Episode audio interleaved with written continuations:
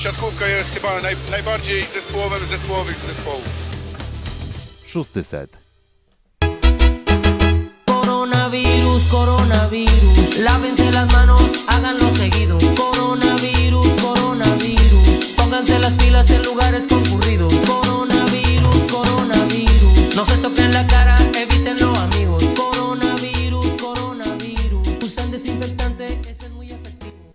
I co, zaskoczyłem was takim wstępem, panowie?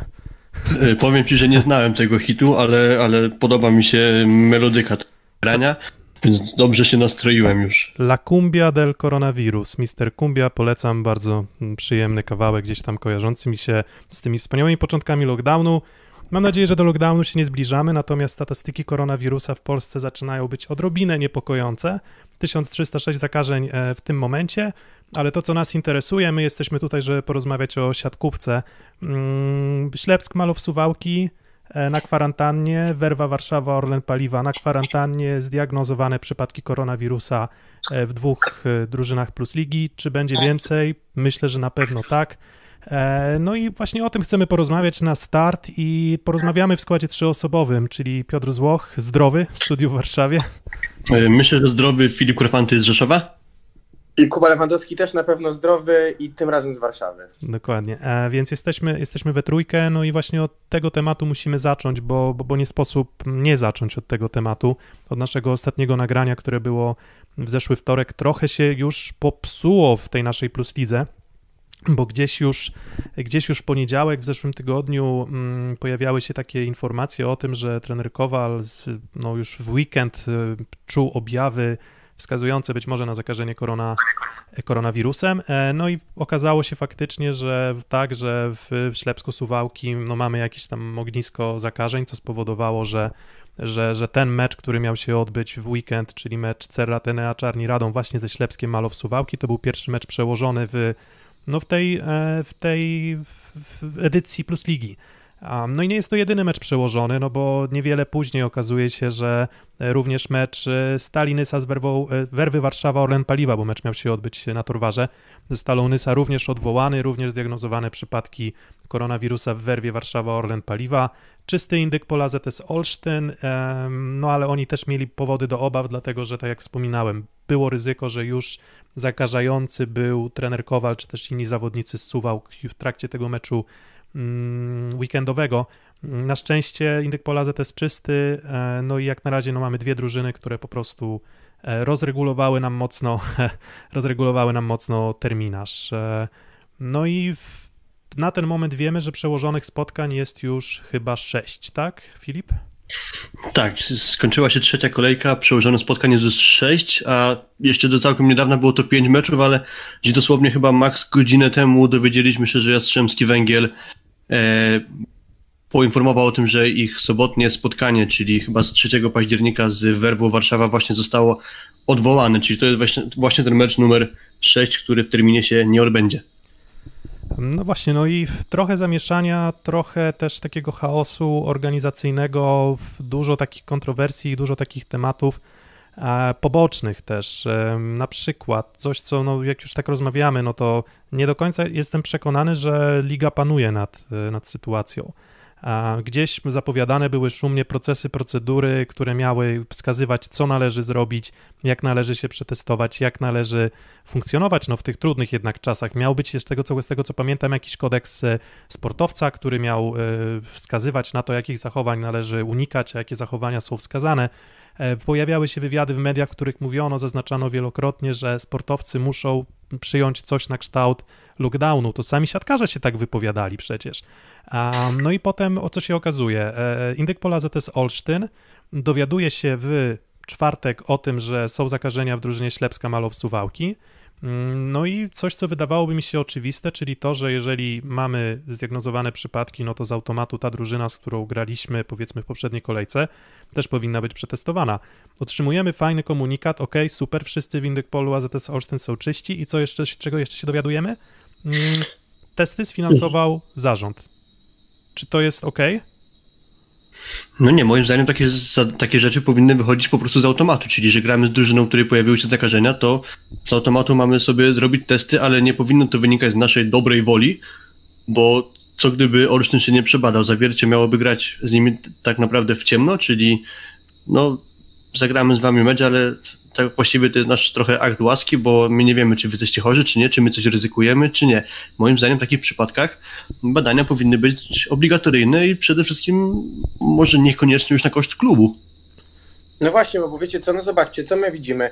Na początku widzimy, że jest pewna gra odgrywana, to znaczy nie ma przywitań, tak? Czyli nie ma podawania sobie rąk czy nawet przywijania żubików, jest tam pomachanie sobie z daleka i tak też się mecz kończy i to jest w sumie jedyna rzecz, jaką widzimy związana z obecną procedurą, którą widzą tacy zwykli kibice, tak? I y, to chyba nie, nie do końca tak powinno być, bo jak patrzymy na to, ile na przykład razy badani są piłkarze, nie mówię o ligowcach, bo też powstaje problem pewnie z Pogonią Szczecin, z Wisłą, ale jak często są badani Pucharowicze, Legia czy Lech, tak, to oni mieli chyba 11 testów od, od jakiegoś czasu i jakoś tam zakażenia się za bardzo nie pojawiają. Jeżeli pojawia się jedna osoba, no to jest szybko izolowana, jak było to w Legii i pewnie tą drogą najbardziej powinny iść drużyny sportowe, że jednak trzeba było założyć tych testów po prostu robią regularnie, nie kiedy są objawy, tylko po prostu regularnie, bo wtedy jesteśmy w stanie wyłapać to szybciej, tak, i de facto grać dalej, nie wiem, pozbawiając się jednego czy dwóch zawodników, bo y, nie może być tak, że y, sobie przekładamy bez konsekwencji, tak? Mi się wydaje, że dopóki nie będzie konsekwencji, czyli chociażby walkowero, tak jak ma być w Japonii na przykład, no to będziemy do tego podchodzić tak na luzie, że się przesunie. Tak, no właśnie, no i się, i się przesuwa. I coś, na co ja też zwróciłem uwagę. E, Okej, okay, teraz e, powiedzmy, mamy jeszcze kilka terminów e, środowych. Na, teraz na początek sezonu ta kolejka, no my nagrywamy w poniedziałek, no to we wtorek rozpoczyna się kolejka e, środowa, więc no ale to są powiedzmy nieliczne przypadki tych środowych kolejek, więc cały czas jest przestrzeń na to, żeby rozgrywać żeby rozgrywać mecze. Mm, natomiast tak, mamy werwę Warszawa Orlen Paliwa, ona będzie reprezentowała e, Plus Ligę w rozgrywkach Ligi Mistrzów i, i my już wiemy w tym momencie, że wypadają im trzy mecze, prawda?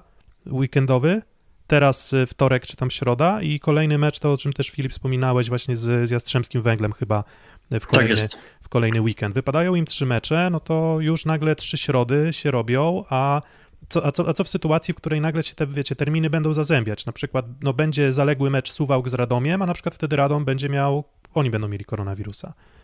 Um, no i cóż, no niestety, no siatkówka to nie jest sport, którego nie stać na testy. Siatkówka to sport, którego nie stać na testy i nie stać na bańkę. Ja się oczywiście z tym zgadzam, tylko że jeżeli uznamy, że nie stać nas na testy, to co jest naszą jedyną nadzieją? No skoro nie testy, to co? Rozsądek zwiększony i zwiększone po prostu dbanie o swoje bezpieczeństwo. Tylko nie wiem, czy Piotr do tego zmierzałeś, więc może rozwinę ten temat. To ja też nie uważam, że siatkarze powinni zostać jakimiś pustelnikami. Wiecie, w Portugalii była na początku lockdownu ta historia z Hugo Gasparem, czyli atakującym Benfica Lizbona, który jak się zawiesił sezon, to poświęcił się w całości pracy lekarza i na kilka miesięcy w ogóle wyprowadził się od swojej rodziny zamieszkał po prostu samotnie. Ja nie oczekuję, że coś takiego będzie miało miejsce w przypadku siatkarzy, no ale myślę, że można na przykład ograniczyć jakieś wyjścia z kolegami na do knajpy, wyjścia na kawę, wyjścia w jakieś miejsca, gdzie niekoniecznie może musimy wychodzić. E, no i oczywiście to na pewno nie minimalizuje ryzyka do zera, bo obstawiam, że wychodząc nawet do sklepu można się wirusem zakazić, ale jeśli przy wyjściu do sklepu i w takich podstawowych potrzebach ryzyko zakażenia jest załóżmy hipotetycznie 10%, no to wychodząc jeszcze niepotrzebnie z kolegą na kawę na miasto, to ryzyko wzrasta powiedzmy do 20% i to jest 10% moim zdaniem zupełnie zbędne, a ja nie mam w ogóle poczucia, chociaż może nie jestem zupełnie świadomy jak to wygląda, bo nie mam Instagrama, nie śledzę tego, co robią siatkarze w wolnym czasie, e, więc nie do końca znam sytuację, no ale chociażby mamy przypadek z Suwałk, gdzie moim zdaniem niepotrzebnie siatkarze brali w ogóle udział w tej konferencji, gdzie ogłaszano e, sponsorów wsparcie finansowe dla klubu. To było 21 mm, września i tam już podczas tej konferencji padło, że e, źle się czuje trener Kowal. I wśród gości tej konferencji byli siatkarze klubu. Owszem, w maskach, bo w maskach, ale jaki był sens, skoro było ryzyko tego, że trener Kowal jest zarażony, wysyłanie siatkarzy na tę konferencję? Może w obecnej sytuacji warto było tego uniknąć. Kolejna sytuacja, Warszawa, no i wyjście siatkarzy na jakieś gotowanie. Nie znam szczegółów, nie wiem o co tam chodziło, to był jakiś event sponsorski chyba. Czyli to jest takie słynne już krążące po sieci zdjęcie z siatkarzami werwy, którzy e, po prostu biorą udział w, udział w gotowaniu czegoś w restauracji, na przykład bez masek chociażby. Dalej Andrzej Wrona, który robi audycję w Nuance, e, Nuance Radio. To też swoją drogą ciekawy przypadek, bo we wtorek, czyli jutro, powinna się odbyć druga, druga część tej audycji. Jeśli ona się nie odbędzie, no to de facto środkowy Polski się sam zdemaskuje, można powiedzieć, czyli, czyli będzie można przypuszczać, skoro audycji nie ma, no to, to Andrzej Wrona jest wśród tych, którzy przebywają na kwarantannie. I obstawiam, że takich zachowań siatkarzy, którzy może niekoniecznie robią wszystko, żeby zmniejszyć ryzyko zakażenia jest sporo i, i to mnie bardzo martwi, bo już teraz mamy te sześć kolejek przełożonych, a, a czy sześć meczów przełożonych, a, a lada chwila może być ich więcej. Nie wiem, dojdzie jeszcze jeden zespół, który ma koronawirusa i de facto przekładane będzie połowa meczów kolejki. To już bardzo źle wróży. Mm, no, wiesz, co, ja się, wiesz co, mogę Piotrek szybciutko Śmiało, się oczywiście, dawaj. że nie, nie stać e, siatkówki na testy, bo y, przebadanie 20 osób, tak, to jest mi się wydaje, że koszt rzędu, nie wiem, 7-8 tysięcy na raz. I ja myślę, że liga chcąc być profesjonalna i wiedząc o tym, że siatkarze to też są ludzie, którzy mają swoje rodziny i często te małżonki normalnie pracują, bo nie ma takich pieniędzy jak na zachodniej piłce, tak, w wielu klubach i, i jeżeli no, mamy uprawiać sport, no, który mają być jeszcze kibice i chcemy, żeby to wyglądało jak najbardziej naturalnie, a nie tak jak e, w NBA, tak, gdzie mamy bańkę w, w Orlando, no to musimy inwestować w te testy, tak? I myślę, że taki dodatkowy milion złotych, jakby się pojawił yy, od ligi do, do, klubów, no to by też to wszystko po prostu usprawnił, bo, bo to wydaje mi się nie jest ogromny koszt, patrząc na całe pieniądze, jakie są w siatkówce, a, to znaczy, a na znaczy, pewno wpłynąłby na po prostu na to, żeby to wyglądało to ja bym, po prostu to, tak, płynnie. To ja, bym, to ja bym zadał inne pytanie, czy, czy zawodnicy jako powiedzmy element tutaj odpowiedzialny, no może to, jest, może to jest ryzykowna teza, może to jest głupia teza, ale może sami zawodnicy mogliby zrezygnować z części swoich pensji, żeby po prostu te, te kasa na testy się znalazła. Nie, no jakby, się zgadzam w 100%. Wiesz, bo, bo, bo, bo, bo jakby no liga, no liga to, to, to nie jest PZPN, tak? No PZPN tych środków finansowych ma dużo, PZPS moim zdaniem tak dużo nie ma. Mm, ta sytuacja finansowa związku, ani ligi też profesjonalnej, no to ona nie jest na tyle dobra, żeby gdzieś tam pewnie tymi testami rzucać. Natomiast, no kurczę, no wygląda to po prostu nieciekawie, duże, wiel, wielkie słowa o procesach, wielkie słowa o procedurach, jak to wszystko jest ułożone, pozałatwiane. Pojawiają się pierwsze przypadki, a my jak takie kurczaki z odciętą głową biegamy i w sumie w dowolnym, randomowym kierunku i zastanawiamy się nad tym, co zrobić bo, bo po prostu wszystko jest na żywym organizmie. No to ja przepraszam bardzo, jakie procesy, jakie procedury. Nie ma, nie ma, nie ma czegoś takiego. Dla mnie, dla mnie osobiście tutaj niczego takiego nie ma i tym bardziej jakby tym pogardą dla przepisów jest to, że mówi się o tym, że musi mieć ośmiu zawodników do grania, prawda? Żeby, żeby w ogóle kontynuować rozgrywki. No to nagle kluby nie podają nam imion, nazwi, nazwisk zawodników, więc w zasadzie no, nawet nie jesteś w stanie do końca zweryfikować tego, czy oni faktycznie mają rozgrywających, czy nie mają rozgrywających. No.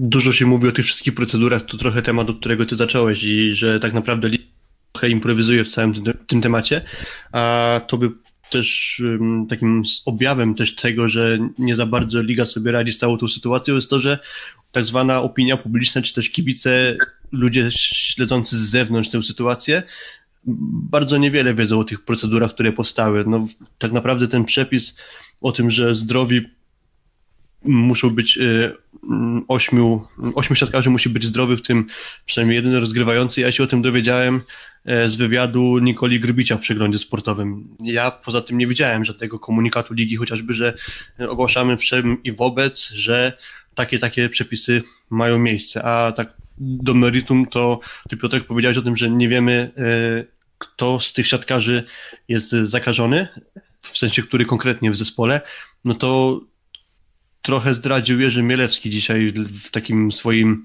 nagraniu wideo podsumowującym kolejkę. To ma, miało miejsce na łamach Interia TV. Wtedy powiedział właśnie, że wśród e, zakażonych siatkarzy w werwie są obaj rozgrywający, więc de facto to już eliminuje ten zespół i, i ten przepis właśnie o tym, że jeśli jeden rozgrywający jest zdrowy i ośmiu graczy jeszcze, no to, to mają grać, ale no, no tak, jest no, dwóch albo... rozgrywających chorych, więc Warszawa nie może grać. Ja się śmieję, albo choruje podstawowy rozgrywający, na przykład Toniutti, no to Proko, Prokopczukowi manipulujemy testy, wiecie, no. nie no, wiecie, no żarty, żarty, żarty żartami, ale kurczę blade, no to do takiej sytuacji może dochodzić, bo moim zdaniem to nie jest transparentne i nie jest ani transparentne to, jak liga planuje sobie poradzić, być może, nie wiem, e, rzecznik, e, dyrektor komunikacji, gdzieś się też wypowiadał teraz w Cafe Volley, nie wiem czy słuchaliście czy nie, ale, ale, ale ponoć miał wystąpić, więc nie wiem do końca, jak tam e, tłumaczył. Natomiast no, moim zdaniem problem jest duży i jak tak dalej pójdzie, to, to, to po prostu bardzo szybko się ta nasza liga zawinie i, i to będzie dopiero trumna i wtedy w ogóle zawodnicy nie dostaną tych pieniędzy a propos, a propos tych testów, tak? No tak, to, to, to trochę w nawiązaniu do twojej tezy, okej, okay, no, ja nie, nie jestem tu od zarządzania budżetami siatkarzy, ale w pewnym sensie może to jest głupie, że siatkarze powinni z tego płacić, tylko że masz do stracenia kilka procent swojej pensji, a być może jak się nie będziesz e, badać i odpowiedzialnie zachowywał, to za chwilę może stracić całą swoją pensję albo znasz swoją część, bo liga nie zostanie dokończona albo zostanie na długo przerwana. Nie, nie namawiamy oczywiście do żadnego tam postępowania, że siatkarze zrzućcie się na testy, bo to nie jest nasza sprawa. Mm, względnie pomyślną sytuacją jest to, że chyba całkiem jeszcze i tak sporo czasu jest na dogranie tych meczów, które są przekładane. Okej, okay.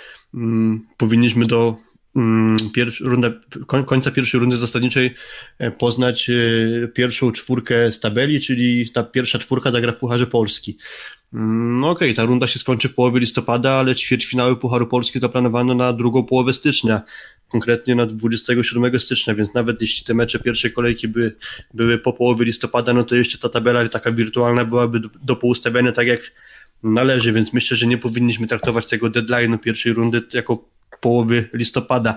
A też ciekawi mnie, co wy sądzicie o takiej tezie, skoro teraz e, nie zagra w czwartek z Suwałkami, Skra nie zagra z Warszawą, no to Skra powinna przyjechać w czwartek do Rzeszowa i zagrać mecz z Resowią i ewentualny przyszły termin by się odblokował.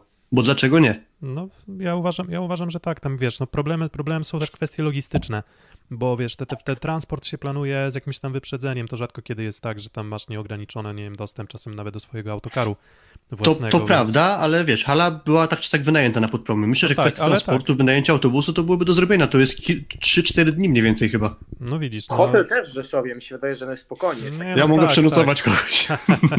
Dokładnie. Nie, nie, myślę, myślę, że to jest, myślę, że to jest yy, niezły pomysł. Tutaj widzę, że nawet się pojawiały takie komentarze u nas na, e, na, na czacie właśnie w podobnym stylu, że właśnie może warto byłoby gdzieś tam powkładać te, e, te mecze mm, w miejsce tych, które zostały no, przełożone. Myślę, że to jest fajny pomysł. No i co? I wydaje mi się, że w ogóle tak powoli możemy już zmierzać do końca, no bo było, nie było, rozmawiamy o siatkówce, a nie o koronawirusie w Plus Lidze. Natomiast jeszcze ja, może taka ostatnia myśl z mojej strony. Mm, tutaj relacja jest prosta. No, w, przerwaliśmy rozgrywki Plus Ligi, gdy mieliśmy, nie wiem, zakażeń na poziomie iluś tam 300, jeżeli dobrze pamiętam, czy, czy 400. Teraz zakażeń mamy 1300 i procent tych osób chorych w tych przeprowadzonych testach też nam idzie dość drastycznie w górę, co są takie wskaźniki, że no, może zaczyna się nie, robić nieciekawie i im więcej będzie zakażeń w kraju, tym większe prawdopodobieństwo, że zara, pozarażają się sportowcy, więc im więcej zakażeń, tym większa odpowiedzialność i niestety większy reżim muszą sobie narzucić sportowcy, bo tych potencjalnych miejsc, w których oni jako osoby medialne, nazwijmy to towarzyskie też, oni będą się, oni będą się spotykać z wieloma, z wieloma osobami. Mm, więc jeżeli, nie, jeżeli nie będzie narzuconego reżimu e, ze strony samych zawodników, no to im dalej w las, jeżeli to się potoczy w tym kierunku, że nie będziemy mieli 1,5 tysiąca przypadków, a będziemy mieli ich, nie wiem, 3 tysiące, 5 tysięcy, 10 tysięcy w kraju, no to z każdym kolejnym przypadkiem, z każdą kolejną informacją tego typu po prostu szansa na zarażenie będzie większa. To jest prosta, e, prosta statystyka, więc, więc po prostu tej odpowiedzialności, poziom odpowiedzialności i poziom restrykcji powinien wzrastać wraz z poziomem e, jakby całej, całej tej historii covidowej w, w Polsce. No, a że się robi nieciekawie, to to inna rzecz. To co, jeszcze jakaś myśl złota z, z COVID-em Nie, związana? przejdźmy do statystyk już innych, takich bardziej pozytywnych, co? Tak, dokładnie. A, no to co, no to zaczynamy po dżingielku od meczu Bełchatów, Skra Bełchatów, PGS Skra Bełchatów, grupa Azoty Zaksa Kędzierzyn-Koźle, czyli no niekwestionowanego hitu kolejki. Szósty set. Mm, no i naszą grafikę z wynikiem, statystykami podstawowymi już powinniście e, widzieć na swoim ekranie. 3 do 1 wygrywa Zaksa. A 25-23 pierwszy set wygrywa PGS Krabełchatów, no i w zasadzie można by powiedzieć, że ten set pod kontrolą, no ale jakby z kolejny raz Zaksa wyczekała rywala. Z jednego seta dali sobie urwać, ale potem już można powiedzieć na chłodno, po prostu czystą jakością sportową moim zdaniem e, przewyższyli no, kolejnego rywala, kolejny mecz. E, Zaksa pakuje trzy punkty ze sobą, zawiera do autokaru i, i jak na razie no, nie widać e, takich, którzy mogliby jakieś tam mocne wyzwanie Zaksie rzucić. Ja chyba ten mecz już widziałem. Ja go chyba widziałem w Arłamowie. Może, się, może się zaśmiesz trochę, strasznie podobny mecz. I, I, też personalia dosyć zbliżone, poza tym, że zamiast Pet, Petkowicza był, był Filipiak, który zresztą był chyba najjaśniejszą postacią gry jest jaką chyba też taką nadzieją mało na przyszłość. Zaksa jest w formie jak zwykle najlepszej na początku sezonu i Zaksa jest całkowicie powtarzalna. Imponuje Śliwka, bo chyba z Gabiciem doszli do wniosku, że Kitki już opanował do perfekcji, teraz trzeba atako- po pierwsze trzeba wybierać czasami rozwiązania siłowe też przy piłkach sytuacyjnych i to też poprawił. Dwa, nawet sam o tym Piotrek pisałeś, zaczął serwować z wyskoku i to chyba dwa asy pod rząd, nawet w pierwszym, drugim secie. W, w pierwszym secie pierwszym, to było. W pierwszym secie jak gonili. Ja mówiłem, E, że w, więc- ostatni, raz, ostatni raz taka sytuacja w 78 roku miała miejsce. No właśnie.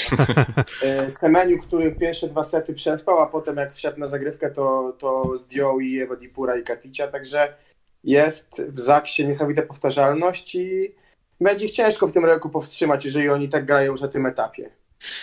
Wiecie co, widziałem tych meczów, wszystkie właściwie Zachsy w tym sezonie i mam wrażenie, że Zachsa grała trochę gorzej niż w tych trzech poprzednich i też mam wrażenie, że Zachsa grała trochę lepiej w tych wszystkich wcześniejszych meczach, aniżeli wtedy ze Skrą. Nie mówię, że, że słabo, ale, ale trochę słabiej, co w sumie tym gorzej wróży dla ligi, bo jeśli Zachsa jeszcze włączy tak naprawdę ten, tą pełną parę, tam wyrzuci, to może jeszcze bardziej odjechać. Po części mam na myśli to Newtiego, który mam wrażenie, że trochę położył pierwszego seta Zachsie, tam było 14 e, 16. Zachsa prowadziła dwoma punktami, po czym zrobiło się 20 do 16 dla Skry i tam między innymi właśnie mam wrażenie, że to Newton niezbyt dobre wybory mm, dokonywał, nie, nie dokonywał zbyt dobrych wyborów. Oprócz tego mam wrażenie, że tym, że sporo na kontrze unikał gry przez środek, to z blok Skry mocno pilnował skrzydeł, przez co trochę Zaksa na skrzydła miała utrudnione mm, zadanie, więc tutaj akurat szedłbym w kierunku nie aż takiego gloryfikowania Benatoniutiego, no ale skrzydłowi Zaksy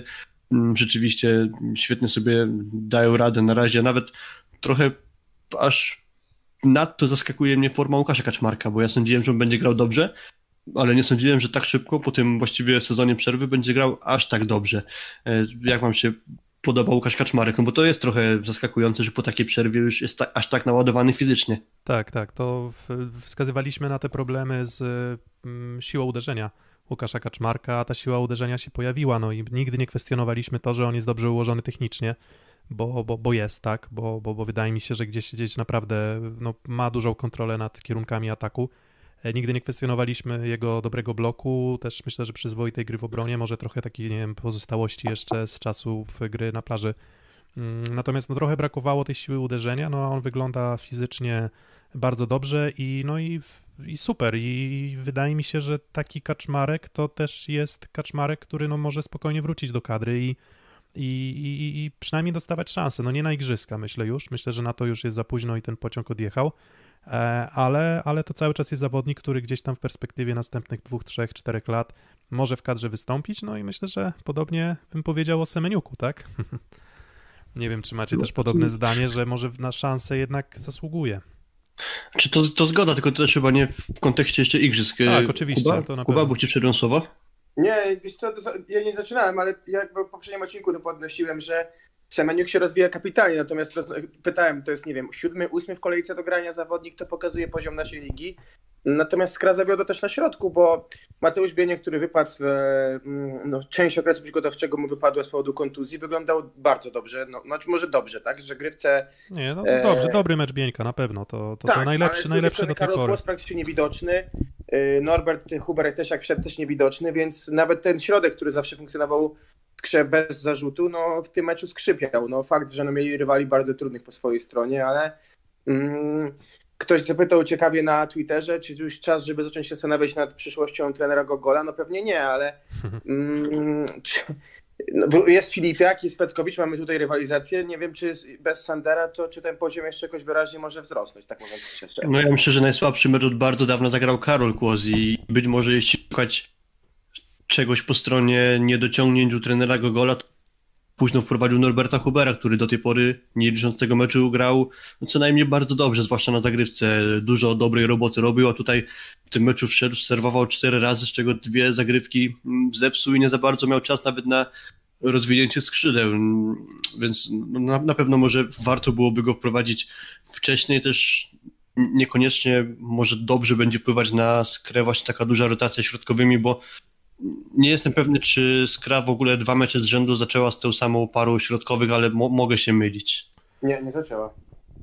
No, no to no właśnie. Być może to jest jeden z takich kłopotów tego, znaczy, tego może, zespołu. Znaczy może, może tak, ale tutaj kłopotów raczej doszukiwałbym się w innych elementach. E, no to... Tak, jeśli chodzi o takie największe bolączki, to, to, to nie, to nie wskazuje na środek. Okay. Tak, tak, tak. Tylko jakby chodzi mi o to tak, że, że łatwiej byłoby pewnie zbalansować e, grę z krzeż i powalczyć może o tego jeszcze drugiego seta z Zaksą, gdyby faktycznie jeszcze ten, ten środek się podłączył. No ewidentnie nie swój był był Karol Kłost. Mecze złe się zdarzają i tyle. No to nie ma, nie ma, nie ma co tutaj specjalnie się nad tym rozwodzić. To, to nie oznacza, że on będzie grał źle.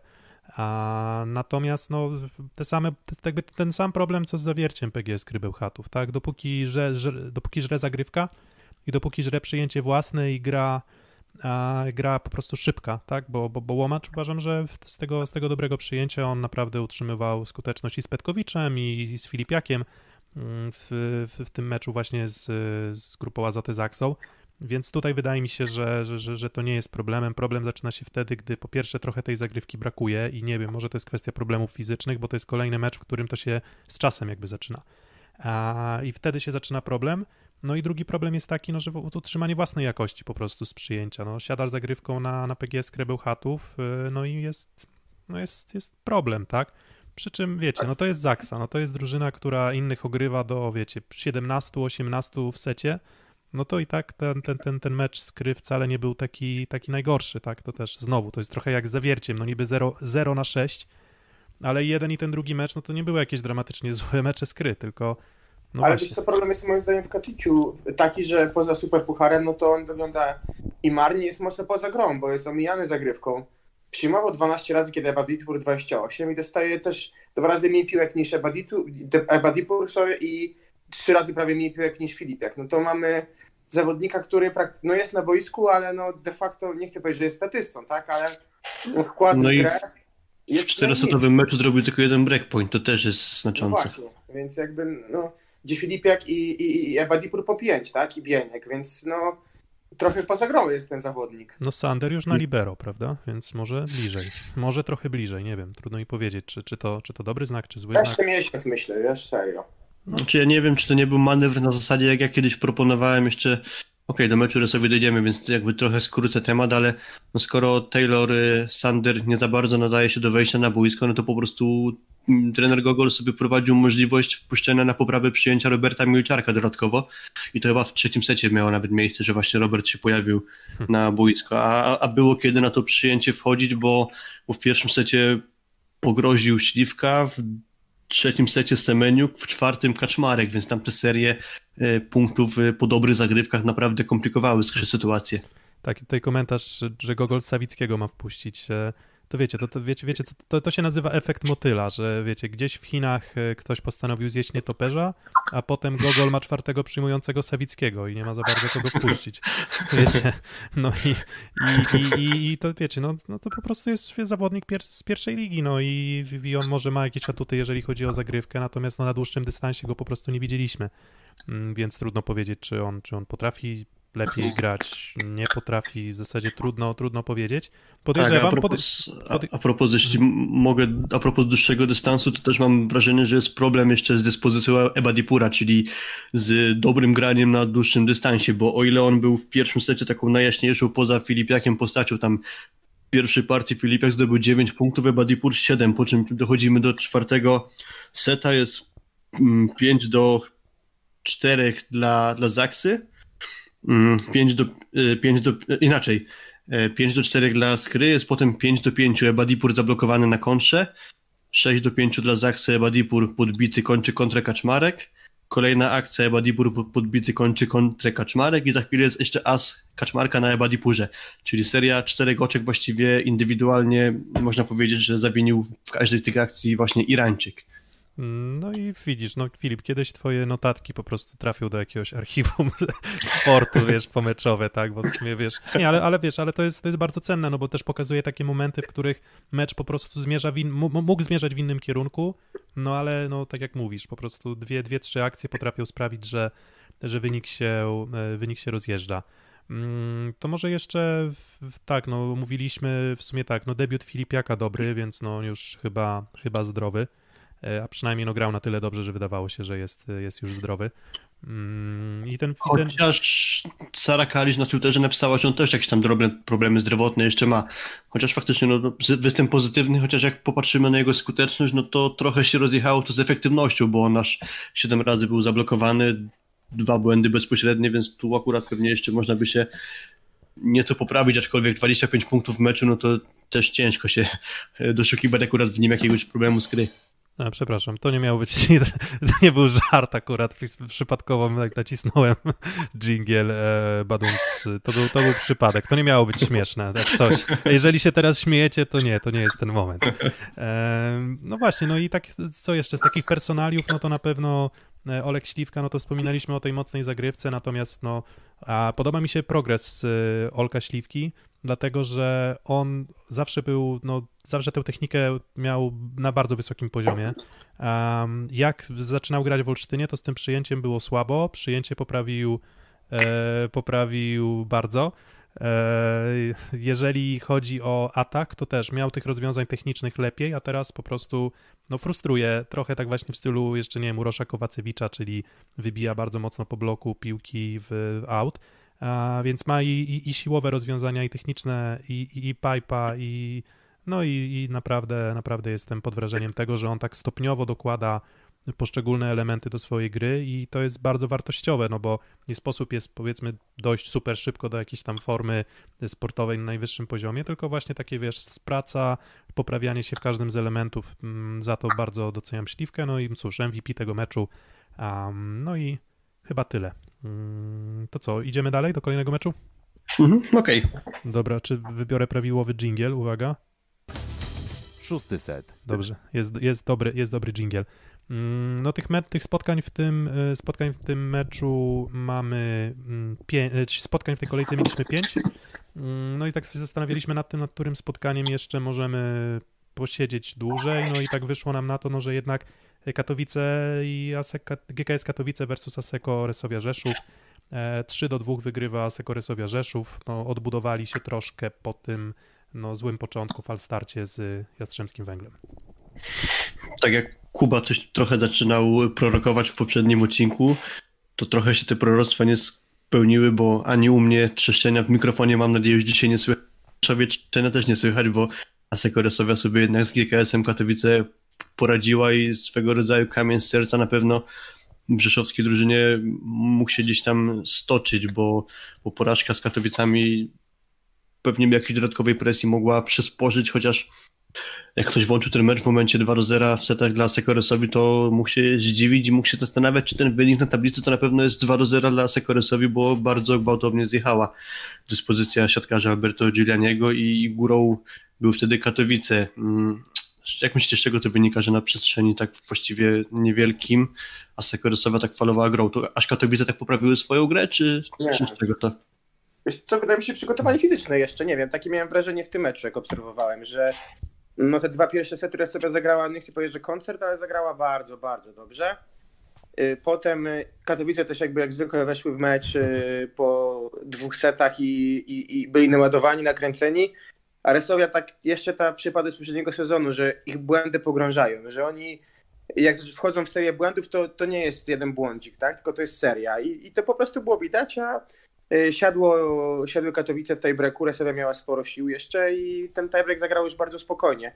Wygrana zasłużona, wygrana, która zwiastuje, że Resowia może naprawdę być w topie tej ligi, tak jak sugerowaliśmy, bo Jędryk jest super środkowym, bardzo mi się podoba i, i były momenty, kiedy on naprawdę tam z Niszczałowi, który zaczął dobrze, wybijał siatkówkę z gry.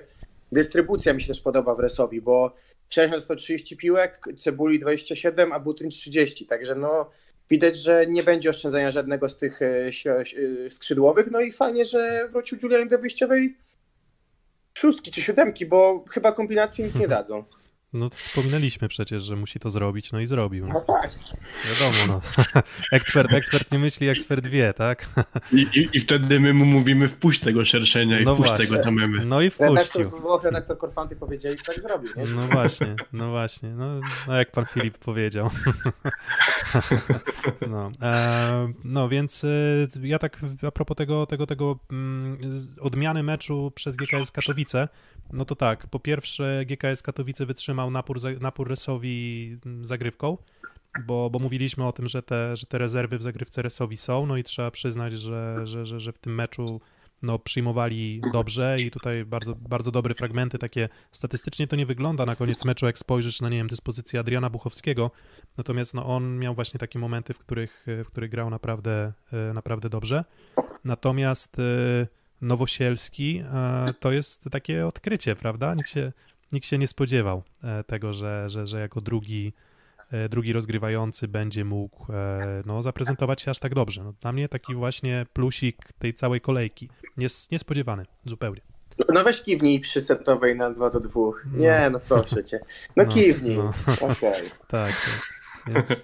Bo nie kiwniesz. No a kiwnął, właśnie. No i kiwnął i i, i właśnie, no, te, te, też wam się tak podobał? No bo naprawdę to tempo gry było super. To, to, to nie było tak, że to było, wiecie... Po, po, tak, miałem taki moment, w którym, kurczę, zastanawiałem się, czy, na, czy na pewno Firley zszedł z boiska. Mm, bo tak, prostu... a Firley wyjątkowo nie był sobą w tym meczu. Więc to faktycznie, myślę, że to kluczowa rola właśnie Nowosielskiego, który zupełnie inaczej jakoś tam potrafił potraktować rozkład ataku, no i z tego mi się wydaje, że właśnie wzięło się po części też odrodzenie Adriana Buchowskiego, który miał e, duży kryzys, te dwie pierwsze partie, potem można powiedzieć, że zaczął w ogóle inny mecz grać. No i przez to, że był to rozgrywający pewnym sensie znikąd, bo sprowadzony z pierwszej ligi z Gwardii Wrocław Rodowity Katowiczanin, często się śmiejemy z tego, że na pewnie nie rozpisany, ale moim zdaniem właśnie jak przychodzi zawodnik trochę y, z jakiegoś nieznanego kierunku, może niekoniecznie skauci rysowi potraktowali poważnie e, jego występy właśnie w Gwardii Wrocław, no i o ile czasem się sam śmieję właśnie z tego argumentu o nierozpisaniu, to myślę, że akurat tutaj pewną rolę mogło to odegrać. No i tak, i właśnie tak, co, co jeszcze? No, Jarosz, Buchowski, Nowosielski, takie właśnie chyba trzy postaci, które w tych wygranych setach bardzo GKS-owi pomogły. Ja tak spojrzałem na zbiorcze statystyki, widzicie je zresztą przed sobą. E, no w zasadzie wszędzie no, ciutkę lepiej Resowia, no może z tymi asami, tak? Tutaj powiedzmy ta proporcja na porównywalnym poziomie lepiej przyjmowali, lepiej atakowali, mieli więcej bloków, no a na końcu no, tracą jednak punkty z Katowicami, no ale jak spojrzymy już bezpośrednio w statystyki poszczególnych setów, to, to tam było widać, że po prostu Katowice uporządkowały, uporządkowały bardzo swoją grę. W tiebreaku już po prostu nie wiem, czy wyszła jakość sportowa. E, ja tak właśnie mam taką tezę, że e, Mam taką tezę, że mm, tiebreaki to tak się mówi, że to loteria. Myślę, że to nie jest loteria. Myślę, że drużyny po prostu lepsze w danego dnia, które no, na dłuższym dystansie były skuteczniejsze, zazwyczaj wygrywają. No i Resowia po prostu była lepsza od GKS-u Katowice w tym meczu. No pokazują te wyniki tych setów wygranych i myślę, że jest nadzieja na to, żeby, e, żeby Resowia mm, no, była w stanie walczyć z drużynami. Natomiast trochę te demony z meczu z Jastrzębiem też się odezwały w, tych, w tym trzecim i czwartym secie, no bo znowu przyjęcie mm, było problemem Resowi. Tak, ale myślę, że na pewno mniejsze aniżeli właśnie w tym meczu z Jastrzębskim Węglem, także, także widać tu progres i przedtem się was zapytałem, mając oczywiście też swoją tezę, bo pytałem was o to, jak myślicie, z czego wynika to załamanie gry. Ja, mi się wydaje, że jest wciąż jeszcze trzeba by zrzucić to na karp tego, że to jest nowo budowany zespół, jeszcze nie do końca funkcjonujący jakoś płynnie jak maszyna, nie funkcjonujący jak Zaksa. I są też takie sytuacje jeszcze przez jakiś okres czasu mogą się po prostu zdarzać, że nagle ta gra zostanie załamana. Więc po części na pewno odmiana w grze Katowic, ale pewnie im dłużej ten zespół będzie ze sobą grał, tym mniej falowania po prostu będzie. Ja się zgadzam z Filipem, bo trzeba po prostu oceniać sobie tydzień po tygodniu i patrzeć, czy jest progres, tak? No bo jeżeli widzimy progres od meczu z Jastrzębiem, bez względu na klasę rywala. Po prostu były takie akcje, gdzie naprawdę ta gra się zazębiała Resowi, no to jeżeli będzie ten progres, no to pewnie dojdziemy do etapu, w którym oni po prostu już będą pod koniec rundy zasadniczej zgrani tak, że tej różnicy tak dużej między nimi a Zaksą nie będzie widać. Ciekawy temat powstał na, na forum, bo e, tutaj e, jeden z was podniósł kwestię Timo Tamemy i ja też jak rozmawialiśmy między sobą, to miałem wrażenie, że on jest dość mocno slam, ślamazarny w tym meczu i nie podobała mi się wizualnie jego gra. Z drugiej strony patrzę na statystyki, on był, e, no dostał więcej piłek niż Jendryk, skuteczność trochę niższa, ale miał i więcej, tyle samo punktowe bloków, więcej wybloków, więc para, trochę dziwne to, bo wizualnie Gender wygląda lepiej niż Tamema, ale też z drugiej strony Tamema zrobił swoje w tej breku, bo tam naprawdę chyba dwa albo trzy bloki punktowe właśnie były jego Estończyka. No i właśnie Jak widzisz, wam się podoba on właśnie? Znaczy, no ale widzisz, no to właśnie tak to, tak, to, tak to wygląda. No czasem wystarczy ci seria, nie wiem, możesz rozegrać 75 akcji i mieć szczęście, że akurat w trzech złapiesz blokiem, tak? No a pozostałe 72 mogą ci po prostu nie pójść. E, I, I, czasem właśnie dlatego statystyki potrafią być mylące, bo one nie zawsze pokazują, jak tam się ta gra układa e, w trakcie meczu. Mm, taka akcja po akcji, no tak, tak powiem szczerze, nieciekawie, tak, tak znaczy ten Tamema trochę taki właśnie mm, zbyt taki jednowymiarowy, taki, taki, takie mam wrażenie, taki, taki właśnie no w sensie wiecie, no tam z Ligi Francuskiej przyszedł Teriomienko do Olsztyna i Tamema do Resowi i obaj są toporni trochę, takie przynajmniej na początku sezonu takie wrażenie robią, jakby, jakby właśnie trochę coś może, albo, albo to jest ich dynamika po prostu i sprawność, albo, albo po prostu nie, może nie są jakoś super przygotowani do... Znaczy, a propos teorii to ja w ogóle mam wrażenie, że gorzej, bo nie wiem, może jest po prostu bez formy, e, więc jakby Teriomienko z sezonu w Radomiu, w Radomiu jest lepszym Teriomienko niżeli ten, którego obserwuję teraz plus lidze, ale, ale odbiegliśmy trochę od tematu. Chciałem was jeszcze zapytać o wątek szerokości składu w Katowicach, bo podobny mecz był w Nysie. Mm, Katowiczanie zagrali, tam grywali znaczy z, z Nysą. Na... Y, z, w, nie, nie, w Katowicach z Nysą, tak, okej, okay, tak, masz rację. Tak, to dokładnie. było w Szepienicach, a Nysa pełniła tam roli e, gości. Mm, tam było tak, że 2 do 0 przy, przegrywali Katowiczanie, po czym tam tą partię, ten, ten, ten mecz przeciągnęli na swoją korzyść i tam dobrą zmianę dali Kochut i Szymański. Przychodzi mecz z Resowią, Katowice są w trudnej sytuacji i wchodzi dobry Jakuby Nowosielski. W odwodzie jest jeszcze chociażby e, Wiktor Musiał, który ma warunki, żeby nieraz zastąpić Jakuba Jarosza. I też chyba z pozytywnej strony pojawił się Dawid Ogórek, więc sądzę, że akurat na szerokość składu Grzegorz Słaby tutaj narzekać nie będzie. Te 5 setów to będzie komu zawsze grać. Albo, albo wyciągać to, to do, do, tego piątego komuś, prawda? Bo to, tak, tak, bo tak. To, ale, to... ale na razie właśnie jeśli chodzi o szerokość składu, to bardzo pozytywny e, obraz tak. w katowickiej Gieksie się nam wyklarował. Tak, myślę, że tak, że to trochę zaskakujące, bo znaczy tak, Musiał już się pokazywał dobrze w zeszłym sezonie, więc to raczej nie jest dla mnie duże zaskoczenie. Nowosielski jest zaskoczeniem, Szymański, wydaje mi się, że tam potencjał na takiego solidnego gracza ligowego jest, e, jest niezły. Mm, i on tutaj może, może wnieść dużo. Kochut wydawało mi się, że już ten poprzedni sezon nieciekawy, ale, ale cóż, no, ta, ta, ta, ta, ta szerokość składu jest na pewno lepsza niż myślałem, więc tutaj tak, tutaj punkt, punkt dla ciebie Filip, że, że, że, że faktycznie myślę, że dobrze to y, wyłapałeś. E, no to co, jeszcze jakieś personalia? Może w Rysowi Karol Butryn może jeszcze tak, albo inaczej, Karol Butryn, Klement Czebul, tak? E, no Butryn trochę rozczarowujący, a Cebul wydaje się, że grający tak na na swoim bardzo dobrym poziomie i, i myślę, że jest, y, jest taki lider mentalny. W sensie ja myślę, że, że, że, że te trudne piłki mogą właśnie lądować y, po, po, po rozegraniu drzyzgi właśnie u Słoweńca. Widać taką chemię między nimi, bo nawet widać było po radości, że najczęściej y, Cebul ją kierował w stronę drzyzgi. Więc myślę, że tak, to jest zawodnik, który jest wyraźnym liderem, jeżeli chodzi o usposobienie i charakter. To też pokazywał w meczach z nami w reprezentacji. Jestem bardzo ciekaw, jak wystąpi Rosowia na podpromiu. Bo zawsze była twierdza, znaczy w dobrych latach to była twierdza i nie mogę się szczerze powiedziawszy takiego meczu doczekać, a przez to, że przesuwamy mecze, to, to ta premiera się coraz bardziej przesuwa niestety.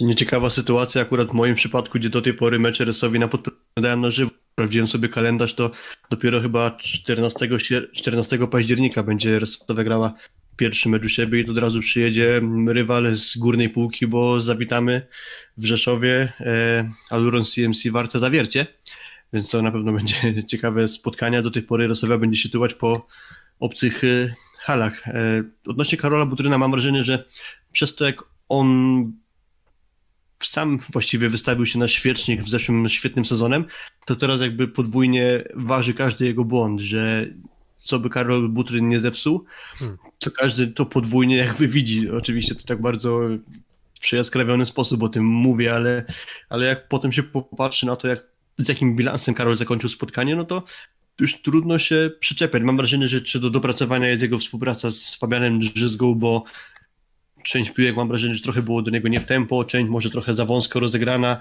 to na pewno jeszcze pole do progresu, ale pomimo tych kilku takich sytuacji, gdzie Karol był czy wyblokowany, czy zablokowany, czy popełnił błąd, to, to pomimo tego i tak myślę, że pozytywnie by na niego e, można spojrzeć. Na pewno jeszcze jest potencjał większy w zagrywce, ale to sądzę też, cały zespół tak, jeszcze myślę, że... nie pokazał wszystkiego, na co ich stać. Tak, no to właśnie wiecie, no to taka propos oceny tego, w... co, co, co oznacza dobra efektywność ataku dla atakującego. No to Karol Butryn miał w zeszłym sezonie tę efektywność ataku, jak tam sobie robiłem te analizy, sprawdzając tam zawodników tam z ostatnich parunastu lat, na poziomie 38%, e, w meczu z Katowicami 47% no to ciężko się doczepić do tego, moim zdaniem. Więc, y, więc miał takie momenty, w których trochę się męczył i był wyblokowywany, co, co mnie trochę, trochę dziwiło, że, że jakby, wiesz, dużo siły wkładał w, w, w ataki, a mimo to gdzieś tam blok był w stanie e, no, przeszkodzić mu na tyle, żeby gdzieś piłka w obronie w miarę sprawnie doszła do rozgrywającego. No dlatego te statystyki potrafią być trochę mylące, ale będzie, e, będzie lepszy.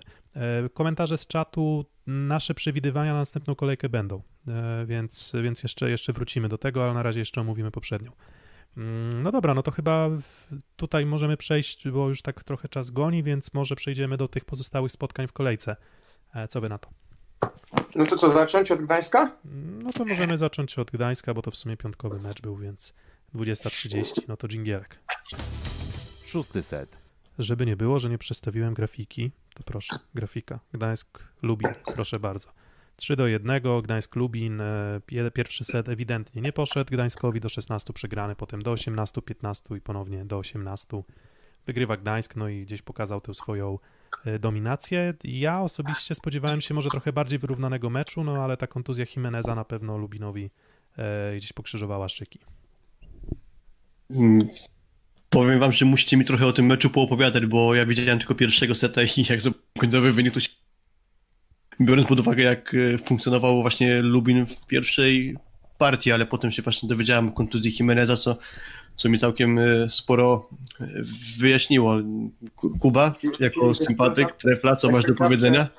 Właśnie byłem nawet w Gdańsku i chciałem wybrać się na halę, ale za późno się zabrałem do tego, żeby się na halę wybrać i już E, za długo trwał mecz Resowi, mówiąc szczerze, i dlatego nie zdążyłem i już nie było sensu jechać. Poszedłeś na wódkę. E, mm, tak, natomiast Filip zawsze, wiesz, piątek wieczorne mecze jakoś omijają, nie wiem, ciekawe czemu.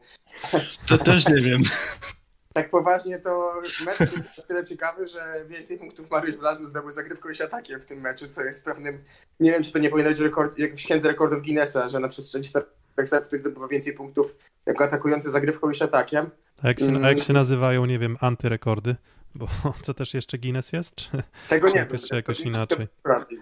Musiałbym sprawdzić. Świetnie wygląda Bartłomiej. To, to, to, mi się kojarzy z takich niezbyt y, korzystnych sytuacji. Nie wiem, czy kojarzycie o co chodzi z nagrodą Darwina. Mniejsza z tak, tym, tak, ale... tak, dokładnie. O, no właśnie. No ale nie, to w tym no. przypadku raczej nie, bo tam zagrożenia dla życia wlazłego nie było akurat. Co najwyżej, no po bloku chyba, żeby dostał piłkę jakoś, wiesz, nieprzyjemnie, tak? No bo... E... Dokładnie. Albo może Michał Winiarski był zezłoszczony. Oczywiście. A, no właśnie, no ten wlazły, wlazły w przeciwieństwie do tego pierwszego meczu takim liderem nie był, no ale tym liderem był Bartłomiej Lipiński. I teraz coś, co też mnie zaskakuje, no tak to Kuba, z tobą się dzieliłem tam przed sezonem, że mówię, no, że tam Lipiński to, kurczę, progresuje z sezonu na sezon. I tak byłem zaskoczony tym, że on w Lubinie statystycznie wypadał lepiej niż Bydgoszczy. Ja właśnie w Bydgoszczy go kojarzyłem z tego takiego prawdziwego lidera, Mm, a on w sumie w Lubinie już jakiś tam kroczek do przodu zrobił, no i tutaj wydaje się, że no mówię, to przyjęcie ma nieciekawe, ale to jest taki kawał tura, który, który spokojnie może dostawać w meczu pewnie 30-35 piłek i skuteczność potrafi, e, potrafi mimo wszystko przytrzymać. To jest jeden mecz, ale, ale w Radomiu też było pod tym względem przyzwoicie. Tak, to jest taki typowo ofensywny przyjmujący i i, i, i te, no tak, no tak jak mówimy, no przyjęcie te statystyki takie sobie, ale w ataku no efektywność 60% to jest coś, co budzi szacunek. Mm, myślę, że gdybym był przyjmującym, so, młodym polskim dosyć, to chciałem pracować z Michałem Winiackim i myślę, że to też mogło przeważyć o decyzji Bartka, w od tego, gdzie mieszka, to z kim ma czynność pracować, no bo jednak pracować z legendą na przyjęciu to jest, myślę, duża, duża sprawa. Z drugiej strony rzecz, która mnie zadziwia, bo mówi się, że nie ma dwóch takich samych osób na świecie i nie da się jeden do jednego zamienić sportowców do siebie, czy w ogóle ludzi. No ale jak widzę Reicherta, no to dla mnie to jest drugi shot, naprawdę. I, i, i ile on daje, jeżeli chodzi o przyjęcie zagrywki, jak, jak, jak relatywnie wygląda w tym pewnie. Hmm, Komu, Dostaje dużo mniej piłek, no fajnie to Michał Winiarski według mnie poukładał, bo komu ten shot, wiesz, komu ten shot daje, temu daje, ale to wiecie, No. jeszcze do, tego meczu przejdziemy, no ale... No tak, do tego meczu przejdziemy, ale wiesz o co mi chodzi, jakby, że no strasznie podobnie Reichert przypomina Szota w Gdańsku poprzedniego sezonu, jeżeli chodzi o tą funkcję bardziej defensywną i, i myślę, że dla, też dla Marcina Janusza ta jest, ma innych zawodników, ale ma paradoksalnie podobnie ustawioną grę. Nie wiem, czy wiecie o co mi chodzi, że gdzieś jak patrzymy na Zaksy, no to mamy tych samych zawodników, więc to nikt mniej więcej poza Kochanowskim zna wszystkich jak łyse konie. W Resowi nastąpiła totalna rewolucja, tak? A tutaj taka rewolucja nastąpiła, bo sporo się wymieniło zawodników, ale częściowo oni są do siebie podobni do Tak, poprze- poprzednich tak. zawodników. I to jest myślę, że duży plus dla, dla Janusza. Mm, tak, to, to, to Po, w prawda. ogóle dla scoutingu chyba też trefla właśnie, że udało im się znaleźć zawodnika, który profilem dobrze tego, co dobrze funkcjonowało właśnie już w Gdańsku w zeszłym sezonie. I ja się zgadzam z tym, że, że patrząc na, na, na niego właśnie, no to, to widać trochę Rubena Szota. A propos jeszcze Bartłomieja Lipińskiego, bo może ja o meczu nie mam za wiele do powiedzenia, ale, ale mi się skojarzyło, jeszcze jak o nim rozmawialiście, że, że to jest zawodnik, który gdzieś tam w cudzysłowie romansował z pozycją atakującego, chociażby na Mistrzostwach Świata Juniorów chyba No nie wiem, czy on w pierwszym albo sezonie... cztery lata temu grał właśnie jako Tak, myślę, że on atakujący. w pierwszym sezonie w Częstochowie na, na ataku. Tak, tak, tak jakoś Tak, to i także on jeszcze ma sporo jakby takich może rozwiązań technicznych wynikających z tego, że pełnił funkcję atakującego, może też przez to nie jest tytanem przyjęcia, a też w ogóle a propos Bartka Lipińskiego, to też kojarzę, że on jeden z tych, którzy wyjechali do Włoch, bo też spędził chyba dwa sezony na poziomie włoskiej Serie A2, to raz, a dwa, że też pamiętam takie sytuacje jeszcze parę lat temu, jak BBTS Bielsko-Biała grał w Plus Lidze, to Bartek Lipiński właśnie był zawodnikiem tego zespołu. Jednego dnia grał mecz plus ligowy, a dzień później z drugą drużyną BBTS-u Bielsko-Biała, chyba młodej ligi, jechał na mm, do Rzeszowa na mecz młodej ligi, więc dzień po dniu zagrał właściwie dwa mecze w dwóch różnych zespołach. Kiedyś tak się grało, że tam wiecie, sobota, niedziela były dwa mecze.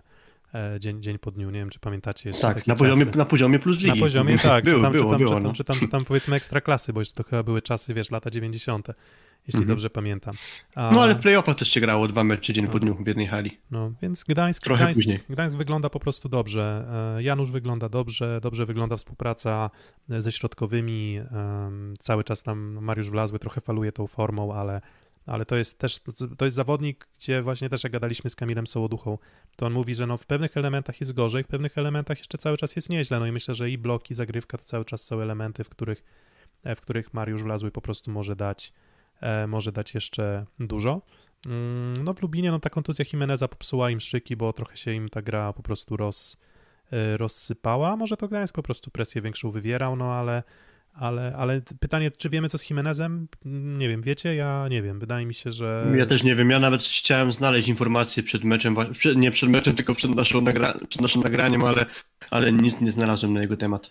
E, No to, no to po prostu nie wiemy. No, nie wydaje mi się, żeby to była na tyle drastyczna kontuzja, no ale kto wie, no wiecie, no to nawet jeżeli coś tam naciągnął, no to mm, no to te trzy dni do meczu to jest, cztery dni to jest w sumie dość niewiele.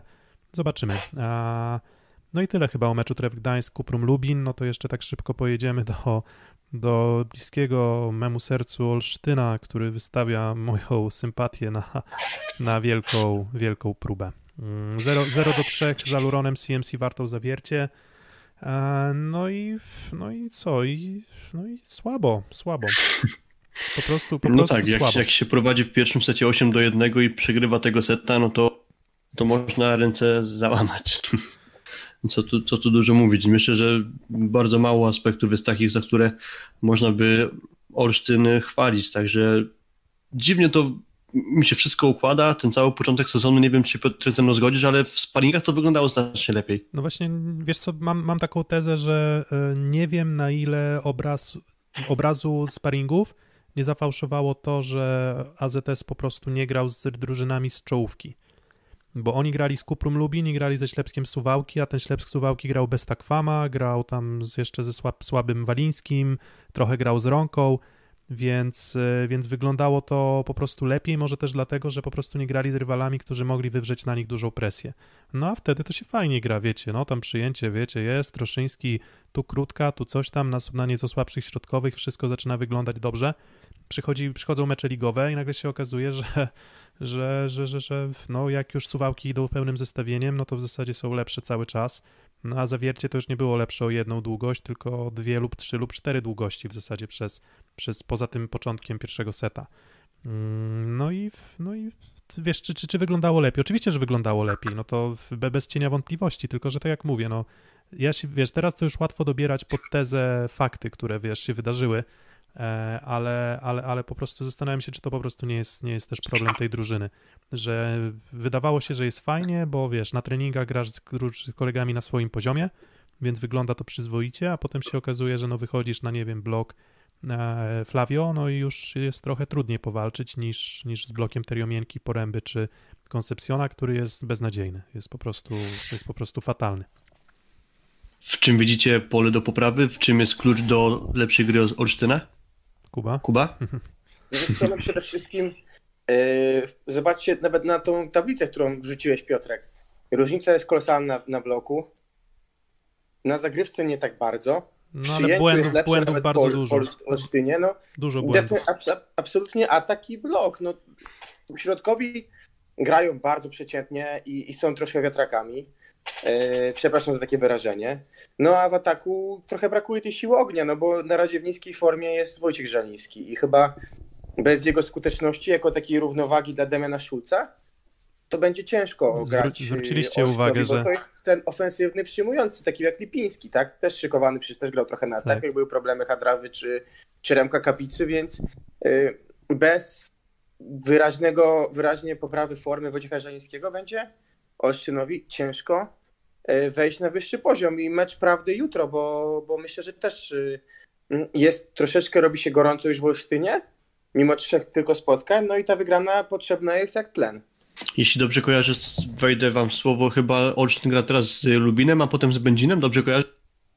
Tak, tak, więc A potem ścieżka zdrowia, potem sami Tak. bardzo ciężcy rywale, więc Tak, te dwa więc- mecze to mogą bardzo mocno zamieszać w skali w ogóle pierwszej tej rundy dla Olsztyna. tak, albo, albo, albo się robią z tego, nie wiem, no 5-6 punktów, poprawiamy nastroje, poprawiamy grę i jest fajna motywacja do działania, albo robi się, no nie wiem, jeden punkt, załóżmy, i robią ci się dwa punkty po kolejkach pięciu i potem masz cztery mecze z czołówką, gdzie w zasadzie no, na ten moment AZS nie ma żadnych argumentów czysto, Tak, czysto tak, tak. sportowych i, i wiecie, zagrywka, no to wiesz, Kuba, wiesz, 14 błędów, no to to tak wygląda nieźle, ale wiesz, jak się przygrywa tam do 18-15, no to tych zagrywek wykonujesz mniej, a AZS co czwartą zagrywkę psuje w tym sezonie.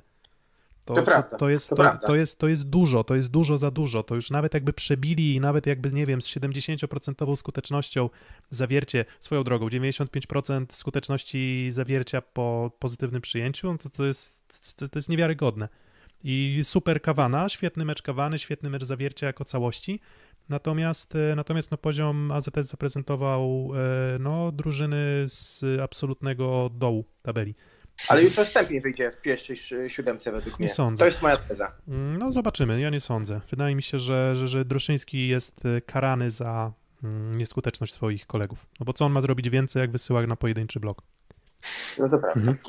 Więc Jasne, bardziej może Mateusza Porębę bym widział w pierwszym składzie, bo to jedno z takich rozczarowań dla mnie to jest, a to wcześniej o tym mówiłem trochę już, czyli Dima Tyromienko, który dużo poniżej oczekiwań. E, O ile koncepcjon jeszcze się sprawdza w aspektach ofensywnych, czyli w ataku w zagrywce, no to w bloku jest już moim zdaniem na razie mocno odstający i, i może akurat jutro będzie ten koncepcjon do spełniania mm, roli w ofensywie, a może od tej bardziej defensywnej strony pokaże się Mateusz Poręba, bo na razie Tyromienko nie jest sobą.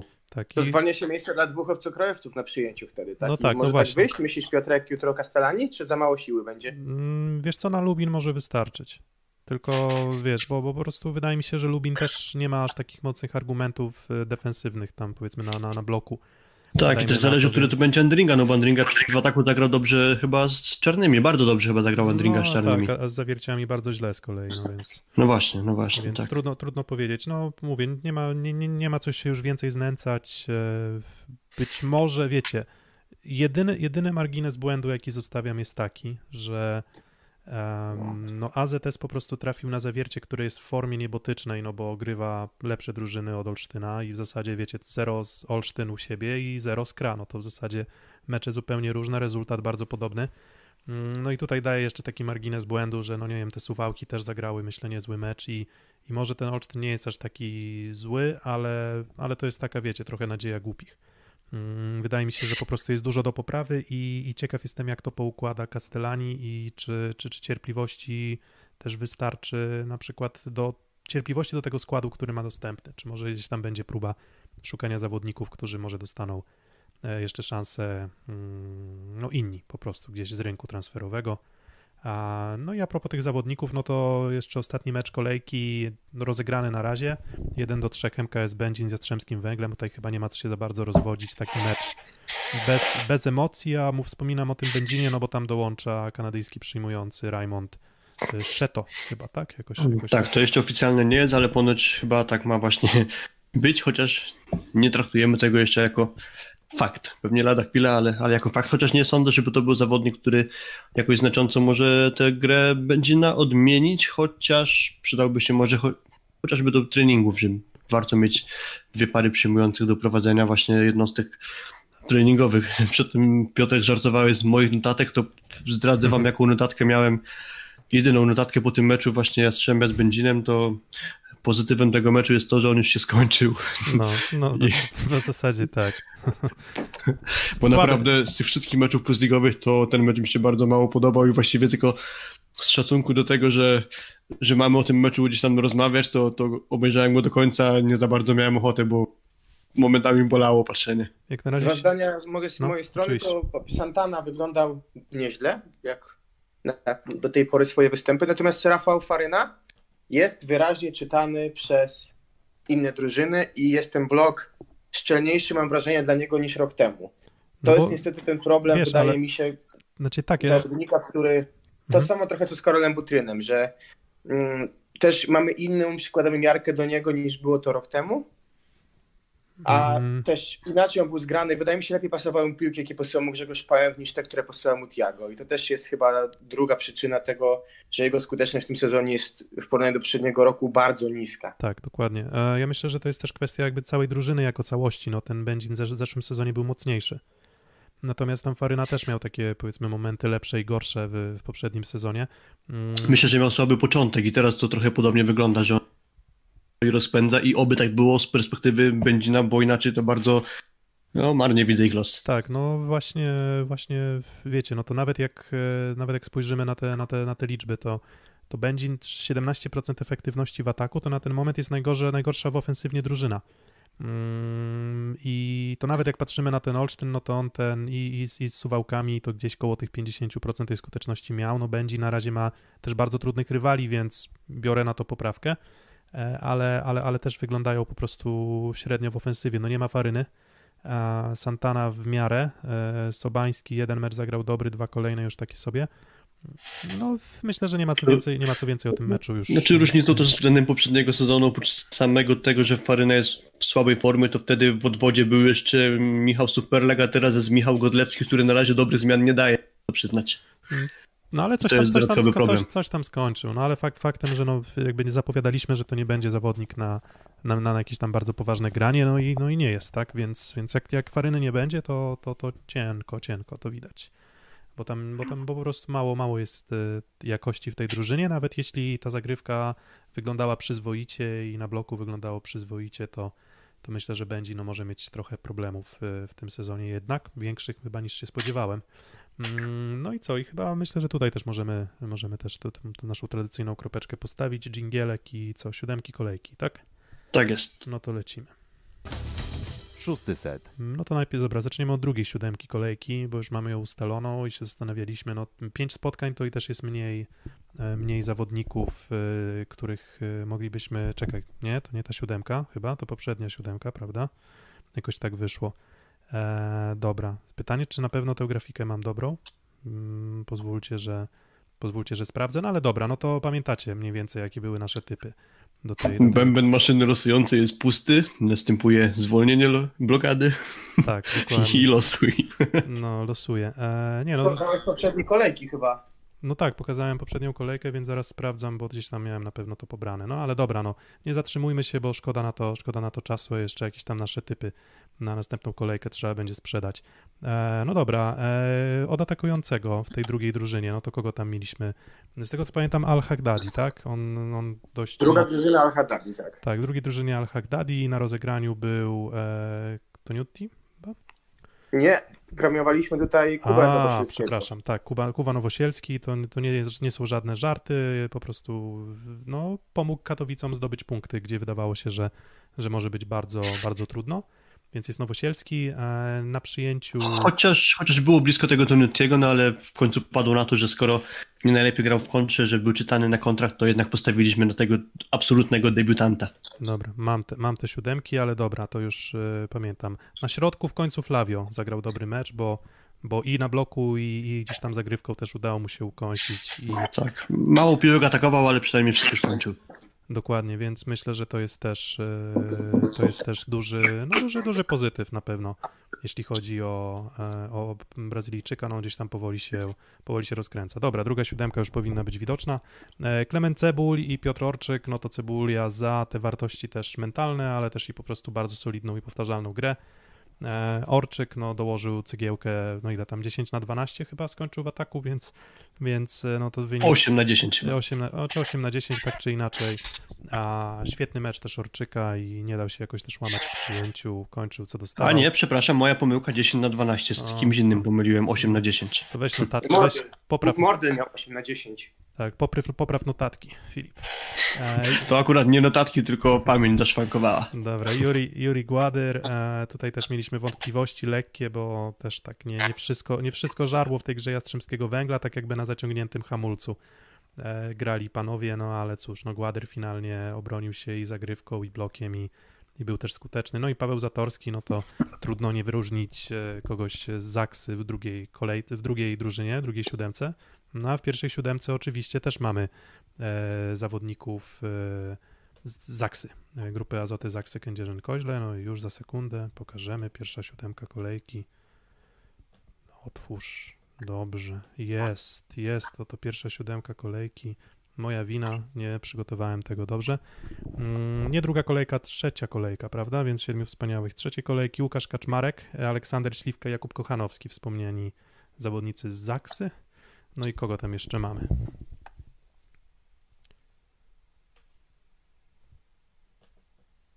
Rozgrywający Maksymilian Kawana, tutaj chyba wystarczy wspomnieć ten procent ataku po pozytywnym przyjęciu ponad 90, no to mówię jakby samo za siebie też dodatkowo większe wykorzystanie środkowych, co było taką kontrowersją w jego ocenie w tym meczu poprzednim zawiercia w Bełchatowie, gdzie, gdzie pewną taką kością niezgody było to, ile on piłek posyła na środek. Tutaj chyba było w tym aspekcie trochę lepiej, na pewno skuteczniej. Ja myślę, że to bez dwóch zdań Argentyńczyk.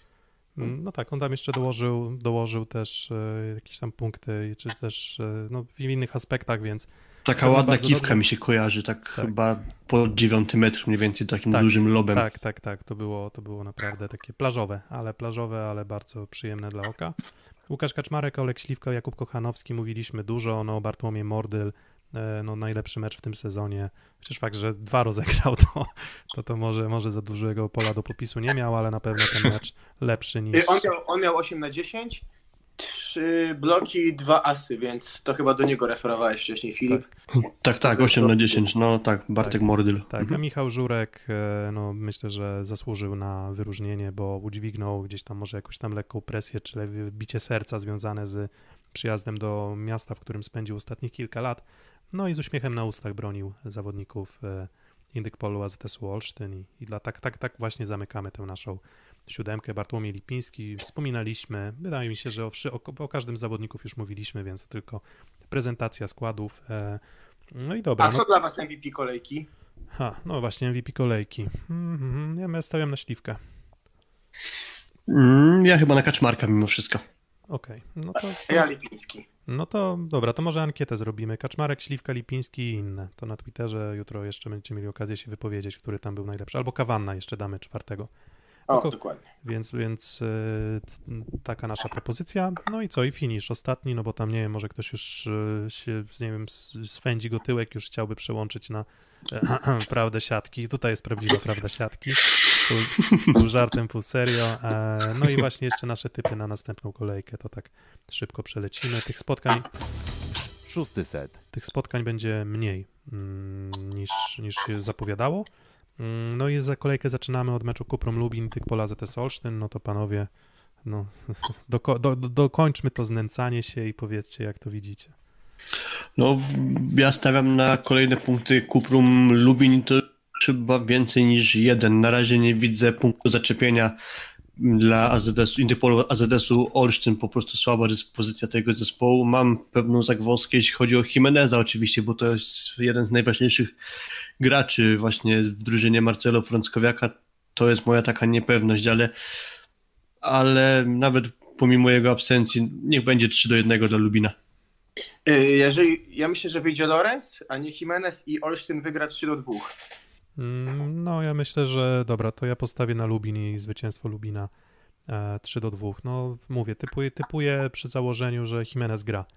E, I wydaje mi się, że, że, że, że no cóż, no Olsztyn był w stanie powalczyć z Radomiem, myślę, że może być w stanie powalczyć z, e, z Lubinem. Jeżeli nie będzie w stanie, no to ja już e, przestaję mocno ufać e, w, w moją jakby, mój, mój, mój chłodny osąd tego, co potrafi grać Indyk Pola ZS Olsztyn i myślę, że już y, porażka tutaj może być dla mnie takim punktem przegięcia, gdzie już po prostu ciężko mi będzie ich stawiać jako w, w roli faworyta z którąkolwiek drużyną.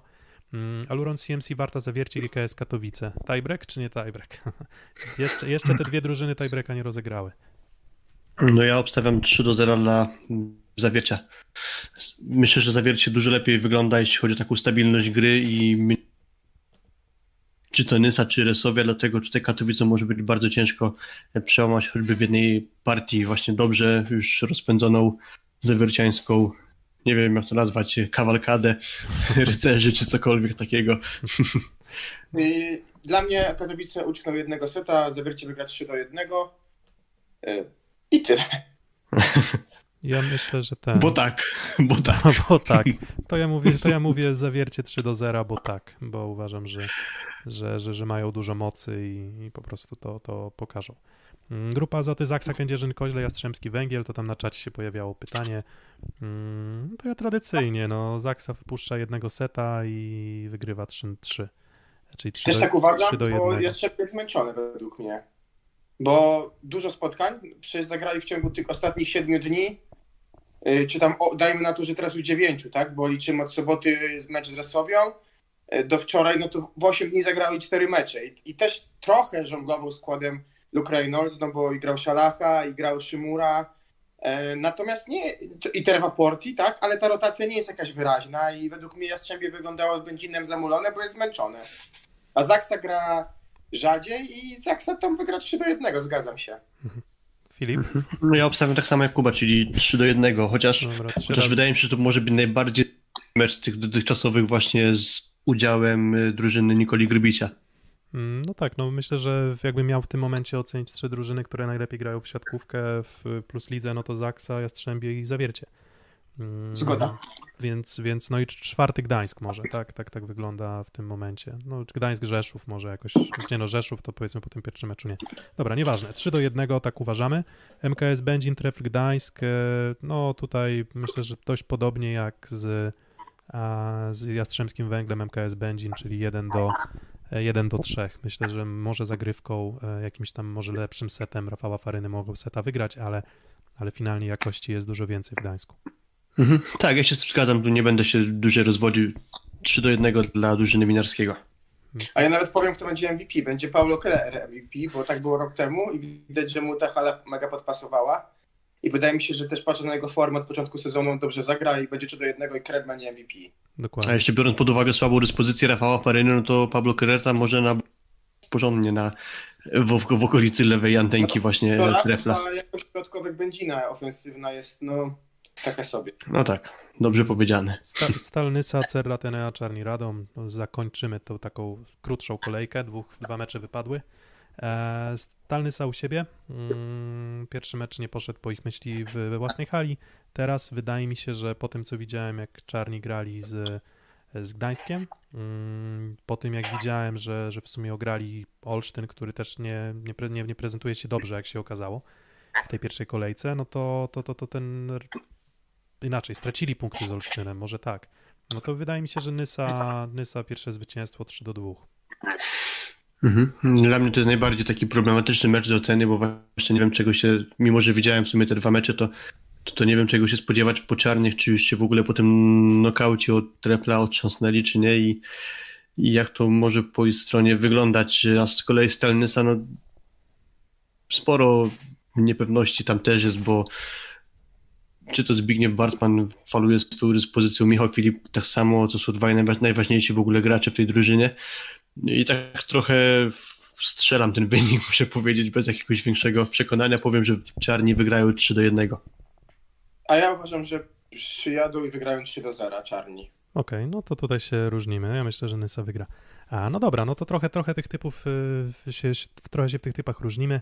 A w tym miejscu postawimy kropkę, bo i tak przeciągnęliśmy tradycyjnie troszeczkę dłużej niż, niż chcieliśmy. Miało być godzinę, no ale tak nam się dobrze gadało o koronawirusie i o, i o, i o tym, co Plus Liga jest w stanie osiągnąć, że e, i jak jest przygotowana na, na tego koronawirusa, że, mm, że po prostu trochę wszystko nam się poprzeciągało. po, mamy o czym gadać, więc korzystajmy, bo za chwilę tych meczów może być coraz mniej, więc będzie. A to prawda, a to prawda. No właśnie. Oby nie, oby Ob- nie. Oby nie, oby nie. No i właśnie, Oby nie, oby nie. No i tutaj kończymy za uwagę dzisiaj. Dziękuję e, Piotr Złoch. Filip Korfanty, dzięki. Dzięki Kuba Lewandowski. Do usłyszenia.